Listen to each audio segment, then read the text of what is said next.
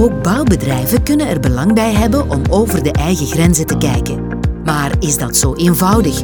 Hoe beginnen ze eraan en welke valkuilen vinden ze op hun weg? Bouwen aan internationalisering. Acht Vlaamse bouwdeskundigen delen hun eigen parcours en ervaringen om andere bouwbedrijven op weg te zetten.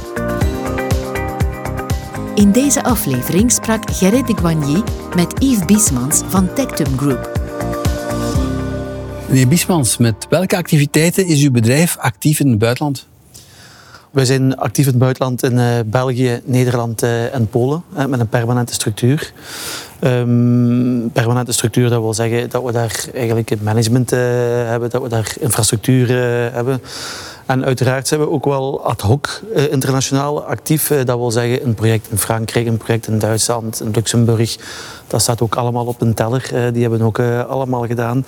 Maar onze activiteiten waar we mee actief zijn, is in Nederland vooral op distributieactiviteiten. distributie van bouwmaterialen bouwmaterialen, specifiek dakmaterialen. En dan met de nadruk op uh, platdakmaterialen. Ook gedeelte aannemingen van daken zijn we in, uh, in Nederland actief. Um, daarmee zijn we actief samen met een lokale partner in, uh, in Nederland. Dus in Nederland werken we eigenlijk in een, laten we het zeggen, een joint venture structuur. Een concrete samenwerking ook, een goede samenwerking ook. Uh, en in Polen, daar zijn we, dus het Nederlands verhaal is ongeveer, laten we zeggen, uit de Pools een 7, 8 jaar oud, uh, misschien iets ouder. Uh, maar ons Pools verhaal dat is begonnen in 2003. Daar zijn we enkel actief als aannemer.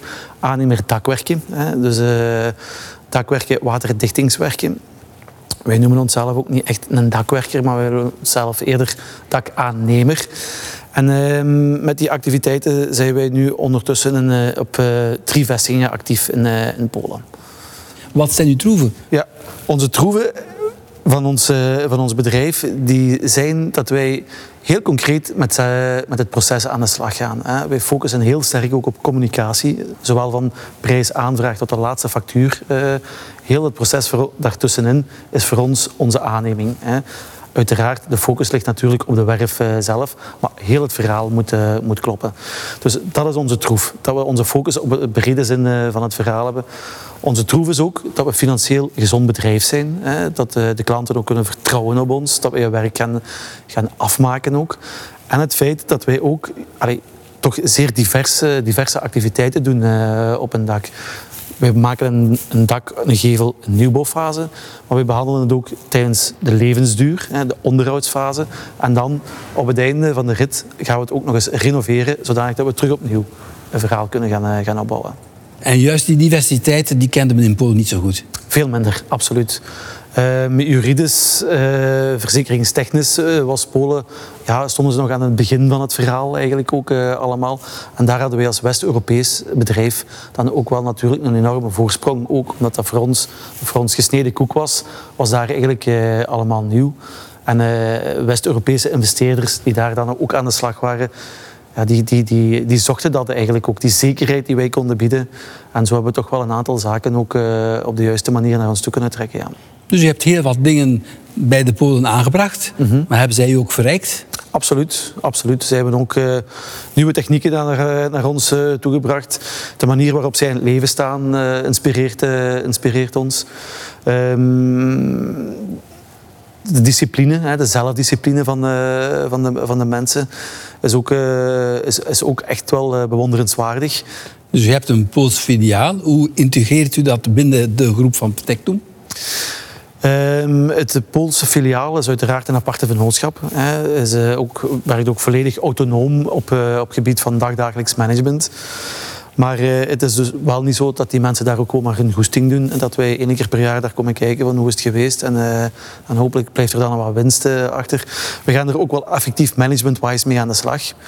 Um, wij hebben ons IT-platform, de manier, onze ERP, waar wij mee onze zaken hier trachten te, trachten een goede baan te leiden. Daar werken zij ook mee in Polen. Daar hebben zij trouwens ook aan meegewerkt, eh, onze, onze Poolse collega's.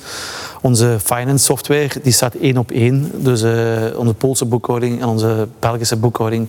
Onze Belgische mensen kunnen perfect zien wat er daar wat er gebeurt, uh, ginder. Ja, Hager, dat is natuurlijk heel lokaal. Dat, dat gebeurt ook lokaal. Marketinggewijs proberen we daar ook wel de nodige ondersteuning te bieden. En plus onze collega's en ikzelf met mijn collega's hier, wij gaan één keer per maand naar Ginder. Ofwel komen zij één keer per maand naar hier om overleg te hebben over investeringen, over nieuwe klanten, um, hoe we met bepaalde problematieken omgaan. Dus uh, daar kruipt wel wat tijd en energie en moeite en ja, vanzelf gebeurt het niet. Niet vanzelf, maar soms ook hobbelig. Want niet alle initiatieven die u genomen hebt eh, zijn succesvol geweest. Nee, absoluut niet. Absoluut niet. Ja, uh, wij hebben ook met veel energie in een land gelijk als Roemenië geïnvesteerd en ook proberen iets van de grond uh, te krijgen. Dat is niet gelukt. We hebben in Marokko geprobeerd, we hebben in Nigeria geprobeerd. Dat zijn altijd ook, ook altijd veel energie in gestoken eigenlijk ook. Maar uh, die zijn op mislukkingen uitgedraaid. We hebben uh, een, een, mooi werk gedaan in, in Hongarije ook. Ook met de bedoeling om daar een structuur uit te bouwen. Maar daar zijn we dan ook niet verder geraakt dan dat, dan dat werk. Nu, toekomst nog altijd veel goesting, veel ambitie om nog te exporteren? Absoluut, absoluut. Wij zouden eigenlijk echt graag dat het, ons, ons exportplan eigenlijk, verder zetten. Waarom doen we dat ook? Eén, omdat we dat graag doen. we zijn allemaal bij ons binnen het bedrijf nieuwsgierige mensen. we zien altijd graag een keer van, over de draad van hoe doen, hoe doen die mensen het eigenlijk. Plus, uh, het is ook een kwestie van diversificatie. Uh, je legt niet alle eieren in dezelfde, dezelfde mand. Het heeft ons ook al vruchten afgeworpen. We hebben heel goede jaren in Polen gehad, terwijl we minder jaren hier hadden. En vice versa. Dus uh, daarmee dat we toch ook proberen om te kijken van, ja, hoe kunnen we onze markt breder maken. Hoe kunnen we ons risico eigenlijk spreiden. Dus uh, we willen daar zeker verder mee aan de slag gaan, ja, absoluut. Okay. En de tip die ik ook aan de mensen wil meegeven is, doe het. Hè. Als, je, als je het wil doen, moet je daar ook niet te lang over twijfelen, moet je dat, uh, moet je dat proberen. Maar je moet natuurlijk hier in België wel een stevige basis hebben. Je kunt niet in het buitenland iets gaan doen als je hier in België wankel staat. Je moet echt iets gaan doen als je zegt van oké, dit is goed wat ik hier heb. Ik kan hier nog verder mee aan de, aan de slag. Maar dit kan ik vertrouwen. Dit concept kan ik meepakken naar Ginder. En, uh, en daar ook mee aan de, aan de slag gaan. Oké, okay, meneer uh, Biesmans, bedankt voor deze tip en uh, nog veel succes met uw toekomstplannen in het buitenland. Dank u wel. Bouwen aan internationalisering. U luisterde naar een podcast van de Vlaamse Confederatie Bouw met steun van EFRO. Bouwen aan internationaliseren is een productie van AV Image in opdracht van de Vlaamse Confederatie Bouw en werd opgenomen in het provinciehuis van Antwerpen. De interviewer was Gerrit de de organisatie in handen van Jury van Menen.